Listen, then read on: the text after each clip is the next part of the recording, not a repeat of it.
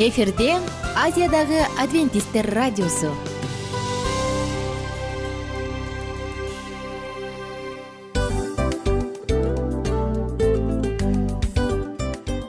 Достор салют. Баардык сүйүктүү угармандарыбызга салам айтабыз. Кутман күнүңүздөр менен. Ден соолук өмүрдүн булагы демекчи саламат саамы программасында баарыңыздарды көргөнүбүзгө абдан кубанычтабыз. Анда алгач амандашып өтөлү арбаңыздар деп. Ден соолугуңуздар кандай элибизде көбүнчө ден соолук кандай дегенде эле жакшы деп жооп беребиз э? ооруп турсак дагы жакшы дейбиз. Анан мен муну айтып ойлойт элем бул абдан сонун сөз депчи анткени бул жакшы деген үмүт да э ооба баары жакшы болот. Баары сонун. Деп үмүттөнүп атып эле өзүбүздү өзүбүз дарылап коебуз. Анысы кандай? Сиздин дагы ден соолугуңуз жакшы беш деген үмүттөбүз чындыгында ден соолук бул өмүрдүн булагы деп бекеринен айтылган эмес деп ойлойм. Кыргыз элинде анткени эгерде ден соолук жок болсо анда адамдын жашоосунда калган баардык керектүү маңыздуу нерселер өзүнүн баалуулугун жоготуп коет. Ошондуктан ден соолук бул эң керектүү нерсе. Ооба туура айтасың кесиптешим. Чынында ден соолугуң жок бир эки үч күн ооруп калсаң эле э кандай болуп калат? Жашоодо көз каранды болуп каласың көп нерсеге жетишпей каласың көп нерсени кыла албай каласың жада калса эшикке дүкөнгө да чыга албай каласың. Туптуура анан ден соолук болсо демек биз биздин бактыбыз тоодой деп койсок болот. Анда достор саламат саамы рубрикабызды баштайлы. Алдыда өзүңүзгө керектүү болгон сонун кеңештерди уга аласыздар. Мына ошондуктан биз менен бирге болуңуздар. Ал эми биз болсо милан жана айнура. Кеттик алга. Алга саламат саама ден соолуктун жарчысы. Саламат саама ден соолуктун ачкычы. Күн сайын сиз үчүн мыкты кеңештер сонун жаңылыктар кызыктуу фактылар. Биздин рубрикада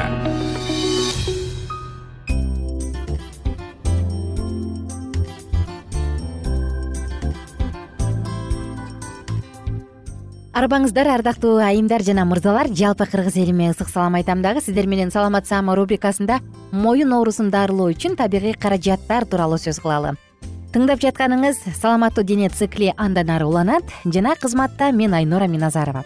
Достор башыңызды ылдый кылганда мойнуңуз ооруган же болбосо кыйналган мойнуңуз таалып ооруган учурлар ар бир эле адамдарда кездешсе керек туурабы.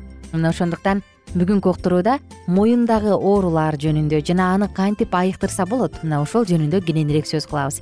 Эгерде сиз телефон трубкасын телефонду ийниңиз менен кулагыңыздын ортосуна кысып сүйлөшсөңүз анда албетте мойнуңузда дискомфорт пайда болот.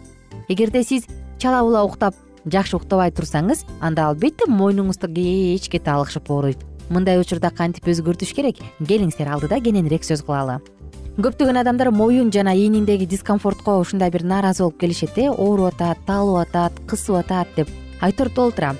Мындай индикатор бул эмне болушу мүмкүн? Бул муундардын бири бирине сүрүлүп калышы же ортосундагы суюктук кемирчектин жок болуп бара жатканы же нервтердин кысылышынан биринчи кезекте кабар бериши мүмкүн. Ошондой эле булчуңдардан спазмасы болуп калышы мүмкүн деги эле ар кандай себептер болушу мүмкүн эң эле биринчи кезекте эгерде сизде мындай моюн тырышуу же болбосо моюндун чыңалуусу көп убакыттан бери бар болсо анда ойлонуңуз. Эгерде бир эле күндө бир эле бир нече мүнөттөрдүн ичинде пайда болуп калган болсо анда сиз демек мойнуңуздун бир жерин жабыркатып алдыңыз. Мунун баары тууралуу алдыда кененирээк сөз кылабыз достор. Мына ошондуктан биз менен бирге болуңуздар. Эгерде сизде моюн бир нече айлардан бери ооруп жүрсө демек сиз мүмкүн компьютердин алдында ийниңизди арткаңызды ийип алып туруп анан мынтип бүкүрөйүп отуруп жаткандырсыз. Бул дагы бирден бир себеби болот.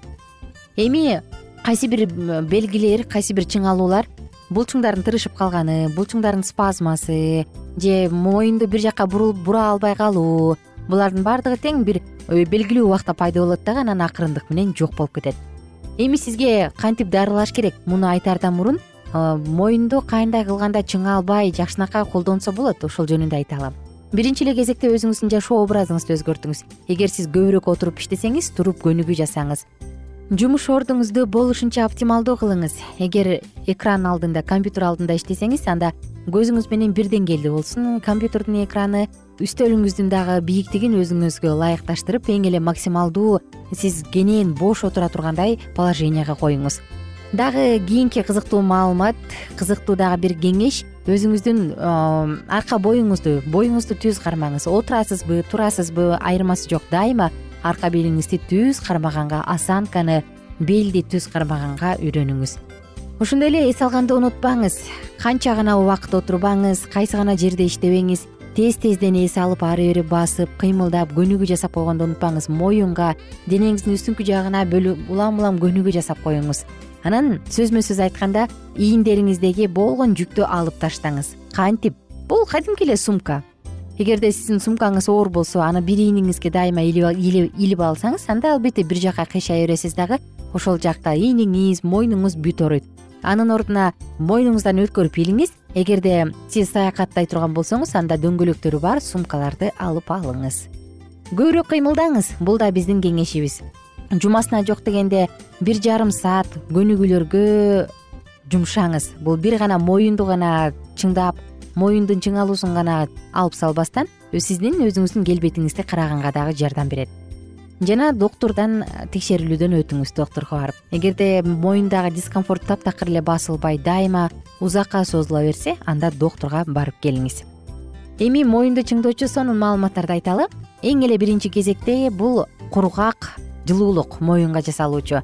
Кадимки эле кургак? Ал үчүн сиз ар кандай электрик электрический электрик электр тогу менен одеялдарды грелка жылытуучу каражаттарды же жөн гана ысык чүпүрөктү колдонсоңуз болот. Мунун алгачкы температурасы отуз градус болушу керек. Отуздан отуз алты градус цельсийге чейин жетиштүү он он мүнөт он мүнөттөн отуз мүнөткө чейинки аралыкта жасап коюңуз. Кийинки дагы бир процедура. Моюнду чыңдоочу. Бул ысык душ мойнуңузга ошол ооруп аткан жакка отуз градус сууну акырындан агыза баштаңыз дагы кырк эки градуска жеткириңиз. Үч мүнөттөн беш мүнөт аралыгында. Андан кийин мойнуңузду сүртүңүз дагы жылуу шарф менен же болбосо кадимки эле жүн жоолук менен таңып алсаңыз болот. Ошондой эле достор дагы бир кийинки ыкма бул моюнга жасалуучу компресстер мойнуңузду пахта чүпүрөгү менен кургак чүпүрөк менен ороңуз анын үстүнө ысык сууга ып ысык сууга кол араң араң чыдай турган ысык сууга полотенцени салып сыгыңыз дагы моюнга басыңыз. Анын үстүнөн жүн жоолук жаап коюңуз. Бул абдан эффективдүү жана моюндун оорусун алып салат. Булчуңдарды бошоңдотот. Ысык суу канчалык ысыгыраак болсо ошончолук пайдалуу. Эгер идеалдуу түрдө негизи э, кайнак суу болушу керек бирок кайнак сууга колду сала албайбыз. Ошондуктан күйгүзүп албагандай болуңуз. Мындай процедураны он мүнөттөн он беш мүнөт аралыгында жасап койгонуңуз жакшы. Полотенце жүз арчы муздай баштаганда аны кайра ысык сууга салып кайра сыгыңыз кайра коюңуз. Анткени он он беш мүнөт жасалышы керек. Анан ошентип эки үч жолу улам улам улам ысык сууга салып сыгып чаптап улам баса турган болсоңуз моюнуңуз бат эле жакшы болот моюндун булчуңдарын бошоңдотуучу дагы бир кийинки сонун метод албетте массаж. Массаж эң эффективдүү. Ал кан айланууну дагы жакшыртат. Массажды отуруп алып же жатып алып жасаса болот. Эгерде бул оору өтө катуу боло турган болсо анда физиотерапевт жасаганы жакшы. Дагы бир сонун методдордун бири бар. Бул глиссандын моюн илгичи же болбосо петля деп коебуз э ошону менен жасалуучу э, сонун метод. Мунун салмагы алгач эки килограмм андан кийин он килограммга жетиш керек. Дагы моюнду акырындан өйдө карай созгону жакшы. Глиссан петлясын эгерде көргөн эмес болсоңуз интернет булактарынан карап көрүп аны сатып алып жасасаңыз болот. Абайлаңыз мойнуңузду катуу чоюп салбаңыз. Эки килограмм он килограмм салмакты азыркы учурда суу же болбосо дагы бир нерселерди же заманбап ар кандай жабдууларды колдонсоңуз болот. Айтор толтура издесең табылат кимдир бирөө болсо шыпка илип алып туруп анан жасап келишет. Мына достор бизде ушундай кичинекей болсо дагы бирок маанилүү кеңештер бар. Булардын баардыгын колдонуп өзүңүздүн саламаттыгыңыз үчүн кам көрүңүз. А мен болсо сиздер менен коштошом.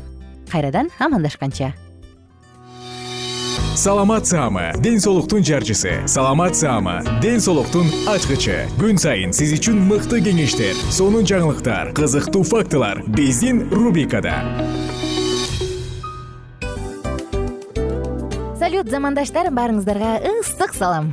Дил маек программабызга кош келиңиздер. Дил маек рубрикасы дегенде эле бул эмне болгон дил маек? Ким менен маектешебиз деп сурайт болуш керек угармандарыбыз бул рубриканы кыскача тааныштыра кете турган болсок ар тарап кесип ээлеринен болгон сонун интервью кеңештер бар. Ооба. жылдыздар менен болгон маек бар. Аталарыбыздын агаларыбыздын чоң аталарыбыздан сонун кеңештер бар. Ошондой эле эже сиңдилердин кеңештери бар айтор. Баардык кызыктардын баары алдыда. Негизи эле адам баласы бир кимдир бирөөнө ишенип сырын ачкысы келет эмеспи э мындай баарлашууга жакын келебиз го. Албетте. Негизи бир жерге отуруп алып кенен шашпай баягы жүрөктөн жүрөккө ачып сырларыбызды ар кандай көйгөйлөрүбүз менен бөлүшүп баягы чын жүрөктөн маек курганды кимибиз сүйбөйбүз э? Ооба десең ал нерсеге суусап да келебиз да. Ооба кээ бирде адамга чындыгында баягы э, ысык маек баягы жылуу маек жетишпейт да. Ошондуктан биз ушул рубриканы ойлоп тапканыбызда эң биринчи эле достор сиздер менен чын жүрөктөн бир маңыздуу темаларды козгоп кеткени э, кааладык. Ошондуктан ушундай сонун бир рубриканы тартуулап жатабыз. Анын үстүнө радио дагы сонун дос да анткени э, мындай учурда досуңа айтсаң досуң досуна айтат досу досуна айтат да анан бүт өлкө билип калышы мүмкүн го а радио болсо сени сатпаган сенин айыбыңды ачпаган. Сенин сырыңды эч кимге айтпаган сонун досуң ошондуктан биздин алдыдагы айта турган кеңештерибизди биздин досторубуздун кеңештерин угуп анан ал жака пикириңизди дагы калтырып кайрадан биз менен байланышсаңыздар болот. Деги эле жашооңузга эгерде кичине болсо дагы өзгөрүү алып моралдык жактан нравовик жактан сонун бир кеңештерди алсаңыз демек биз максатыбызга жеттик. Ооба. Чыңгыз атабыз улуу жазуучу э, чыңгыз айтматов айткандай адам болуу бул күнүмдүк процесс экен.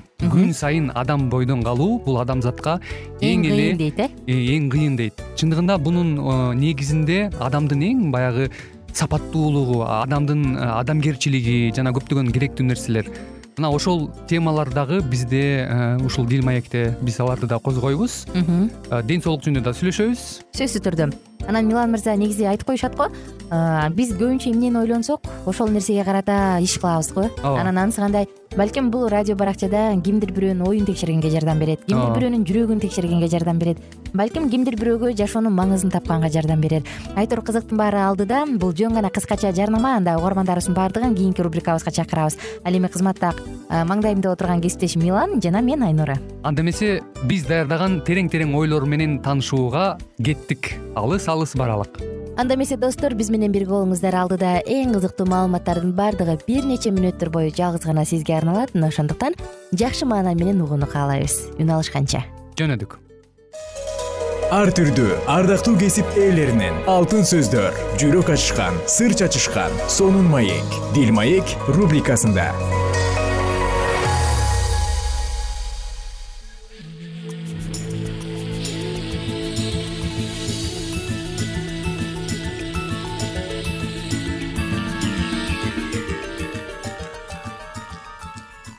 кутмандуу күнүңүздөр менен кымбаттуу радио угармандарыбыз кайрадан сиздердин назарыңыздарда бактылуу никенин баалуу эрежелери аттуу берүүбүздү баштамакчыбыз. Бүгүнкү программабыздын чыгарылышында биз сиздер менен чыныгы сүйүүнү кантип айырмалап билүүгө болот дал ушул туурасында кеп кылмакчыбыз кызматыңыздарда микрофондо аты жөнүм мен улан жана ошондой эле кесиптешим асель. Сиздер менен биргеликте болмокчубуз.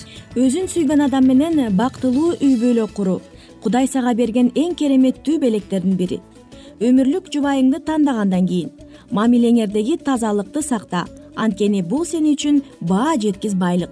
Чындыгында бул нерсе жараткан жаратуучубуздун сиздин жашооңуз үчүн даярдап койгон эң сонун белеги болуп саналат экен. Никеге чейин тазалыкты сактоо сени бекем жана бактылуу үй бүлө курууга даярдайт? Кудайдын алдында өзүң тандаган адам менен баш кошуп жатканыңда сенин тазалыгың келечектеги жубайыңа бере турган эң асыл белек экендигин түшүнөсүң бул кыздарга дагы жигиттерге да тиешелүү. Өмүр бою өзү менен бирге боло турган адамга жолукканга чейин абийириңди таза сактагандыктан сенин кубанычың чексиз болот. Силер табигый сүйүүнүн ырахатын татасыңар. Экөөңөр бир дене болуп калгандан кийин кудайдын батасын аласыңар. Силер нике үчүн даярдалган нерсени аярлап сактагандыктан кудай да силерге кубанат мына ошентип урматтуу достор жана ошондой эле сүйүктүү радио угармандарыбыз эгерде никеге чейин өзүңүздүн жашооңузда жыныстык байланышка жол бербей турган болсоңуз анда сиз турмуш кургандан кийин чыныгы бактылуу никенин даамын дал ошол жашооңузда татып биле алат экенсиз. Андыктан бул нерсе келечектеги бактылуу үй бүлө курам деген жаштардын жашоосунда орун алсын деген тилегибизди билдирүү менен биргеликте ошондой эле үчүнчү факторго дагы токтолуп өтсөк э, бири бириңер менен болгон мамилелерге кандай баа бересиңер бул туурасында дагы айтып өтөлү. Кызыгуу учурунда сен өзүң жөнүндө жана сүйгөн адамың жөнүндө эки башка адам катары ойлоносуң. Ойлоруңда сөздөрүңдө мен меники мага ал аныкы деген сөздөрдү колдоносуң. Ал эми чыныгы сүйүүдө чындап сүйсөң биз биздики бизди деп айтасың экөөңөр жөнүндө бир адам катары ойлоносуң жолугушуп жүргөндө бул анча деле маанилүү болуп сезилбеши мүмкүн. Бирок никеде бул өтө маанилүү. Нике кызыгуунун негизинде курулса аялы менен күйөөсү ар башка кызыкчылыктарды көздөшөт. Күйөөсү көп убактысын үйүндө эмес достору менен өткөргүсү келет. Же аялы үй бүлөсүнө кам көрүүнүн ордуна коомдук иштер менен көбүрөөк алек болот ал эми чыныгы сүйүүнүн негизинде баш кошкон жубайлар бирге убакыт өткөргөндөн ырахат алышат. Мындай жубайлардан сен баргың келбесе мен деле барбай эле коеюн деген жоопту көбүрөөк уксак болот экен. Ошондой эле төртүнчү факторго токтолуп өтсөк э, сен өзүмчүлсүңбү же башкалардын кызыкчылыгын көбүрөөк ойлойсуңбу. Бул туурасында дагы айтып өтөлү кызыгуу учурунда сен өзүмчүл болосуң. Жигит өзүнүн кадыр баркын көтөрүш үчүн татынакай кыз менен жолугушат ага кыздын эркелиги мүнөздөгү башка сапаттар жакпаса да башкаларга мактаныш үчүн гана ошол кыз менен жолугуп жүрүшү мүмкүн. Кыз деле жигитти чын дилинен жактырбаганы менен башкалардын алдында өзүн бактылуу сезиш үчүн жигит менен жолугушат. Ал эми чыныгы сүйүүдө сен бирөөнү чындап сүйсөң. Өзүңдүн баалуу сезишиң үчүн эмес. Ошол адам сен үчүн маанилүү болгондуктан аны менен бирге болууну чечесиң бешинчи факторду карап өтөлү. Сенин сезимдериң эмнеге таянат? Сен үчүн кам көрүп сени бактылуу кыла турган сага өзүн арнай турган адамды тандагың келеби. Сен биринчи кезекте өз кызыкчылыгыңды ойлойсуңбу. Анда сенин сезимдериң кызыгуу гана. Ал эми чыныгы сүйүү чыныгы сүйүү ишенимдүү жана өз кызыкчылыктарын ойлобойт. Башка адамды бактылуу кылыш үчүн колдон келген аракеттерин аябайт. Алууга эмес берүүгө умтуласың чындап эле чыныгы сүйүүдө баягы чыныгы сүйгөн адамынын жакшы болушуна гана умтулат эмеспи ал эми. Жөн эле кызыгуунун ортосунда жаралган сүйүү ар дайым өзүнүн гана жеке кызыкчылыгын көздөп келет деп бир нече берүүлөрүбүздө дагы айтып өткөнбүз. Чынында эле бул бүтүмдөрдү угуп чыгып э, сен э, чыныгы сүйүү менен сүйүп жатасыңбы же жөн эле кызыгып жатасыңбы? Ушул нерселерди дагы чечишиң мүмкүн экен мындан сырткары дагы ушул мүнөздөрдүн үстүнөн иштөөдө дагы айрым бир айырмачылыктарды дагы байкоого мүмкүн экен да. Себеби өзүнүн жеке кызыкчылыгын эле издеген адамбы. Э, дайыма эле өзүнө жакшы болушту эле каалай береби ал эми өзүнүн жакын адамдарына же болбосо ошол өнөктөштөрүнүн э, жакшы болушуна эч убакта умтулбайбы?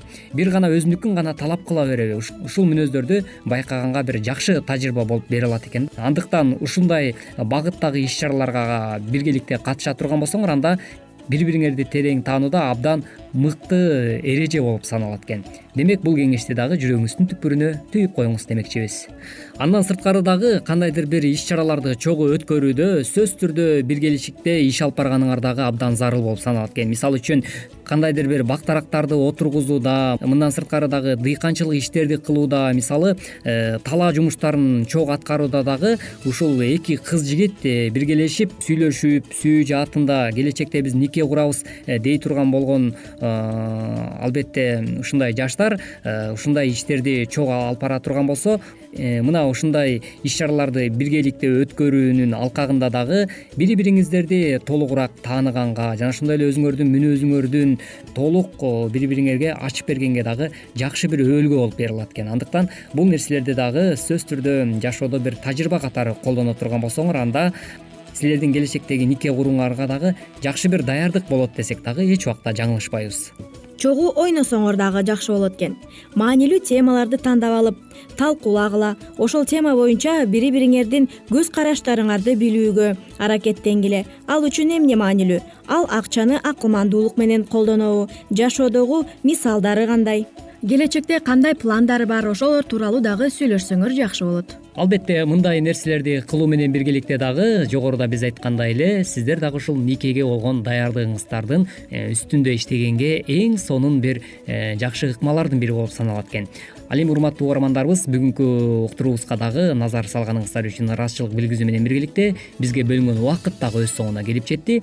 Кайрадан эле биз сиздер менен сүйүү жолугушуулар жана нике аттуу берүүбүздөн кезиккенче аман болуңуздар ар түрдүү ардактуу кесип ээлеринен алтын сөздөр жүрөк ачышкан сыр чачышкан сонун маек дил маек рубрикасында.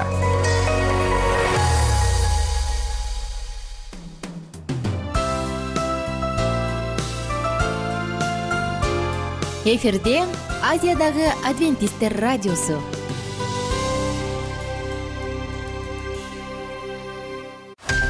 жан дүйнөңдү байыткан жүрөгүңдү азыктанткан жашооңо маңыз тартуулаган жан азык рубрикасы.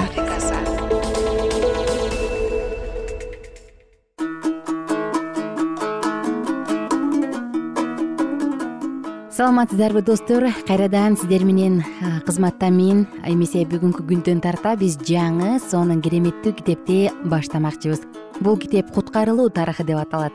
Негизи эле куткарылуу деген сөздү ар бирибиз бир чоң балакеттен кырсыктан куткарылганды айтат эмеспизби. Анысы кандай?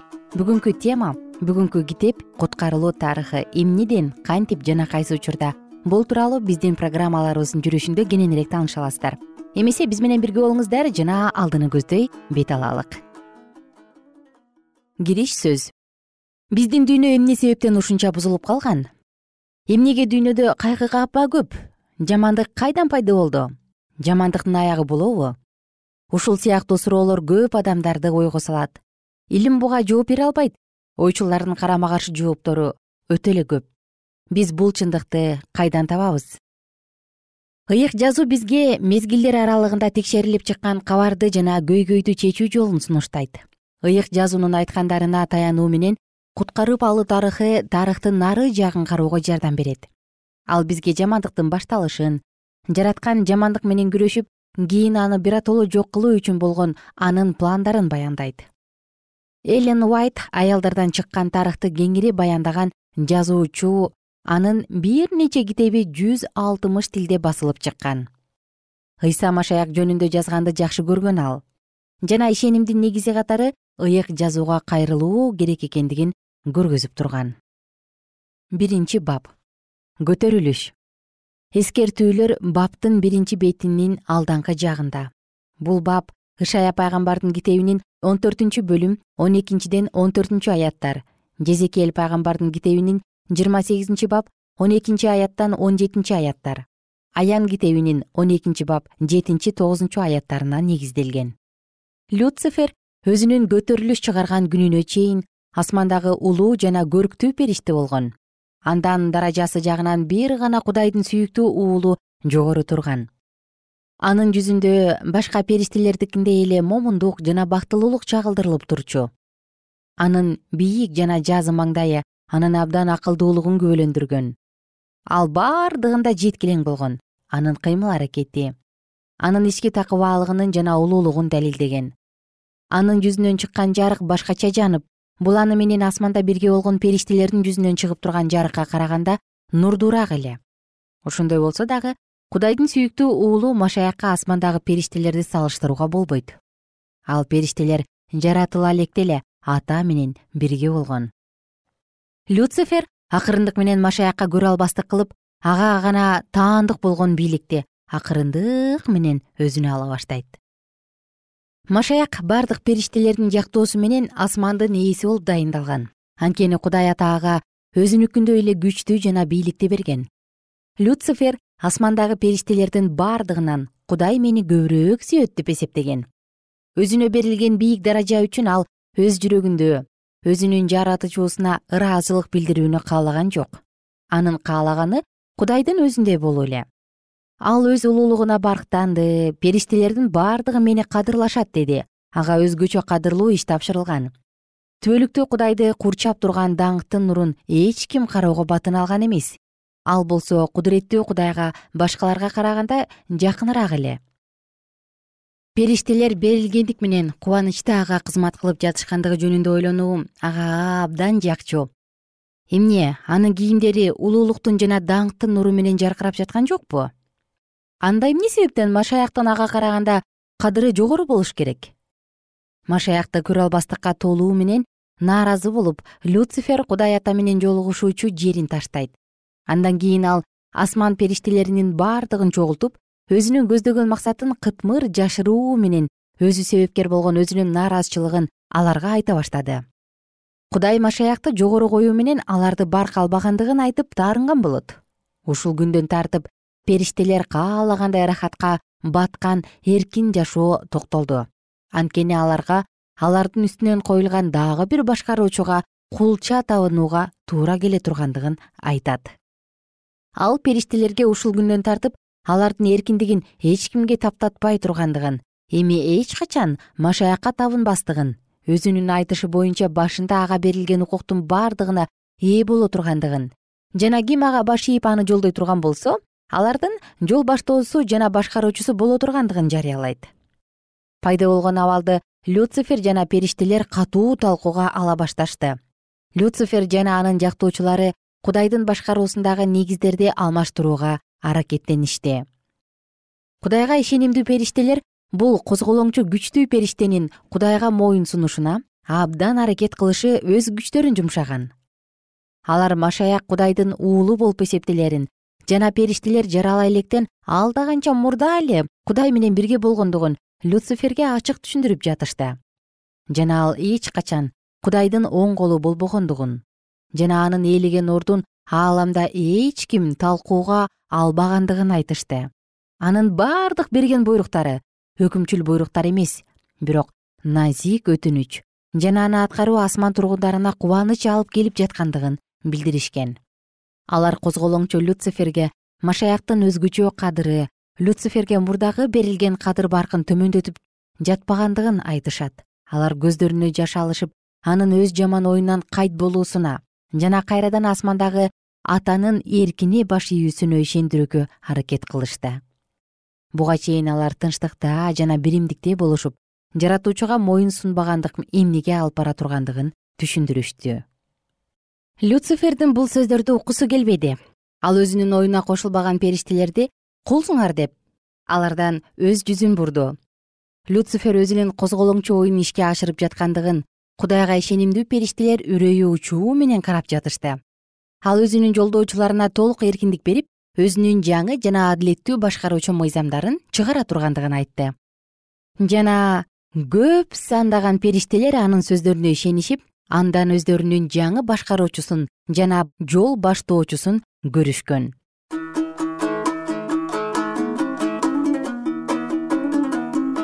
Кымбаттуу достор сиздер менен дал ушул жерден токтотобуз дагы уктуруубузду кийинкиде улантабыз. Биз менен бирге болуңуздар күнүңүздөр көңүлдүү улансын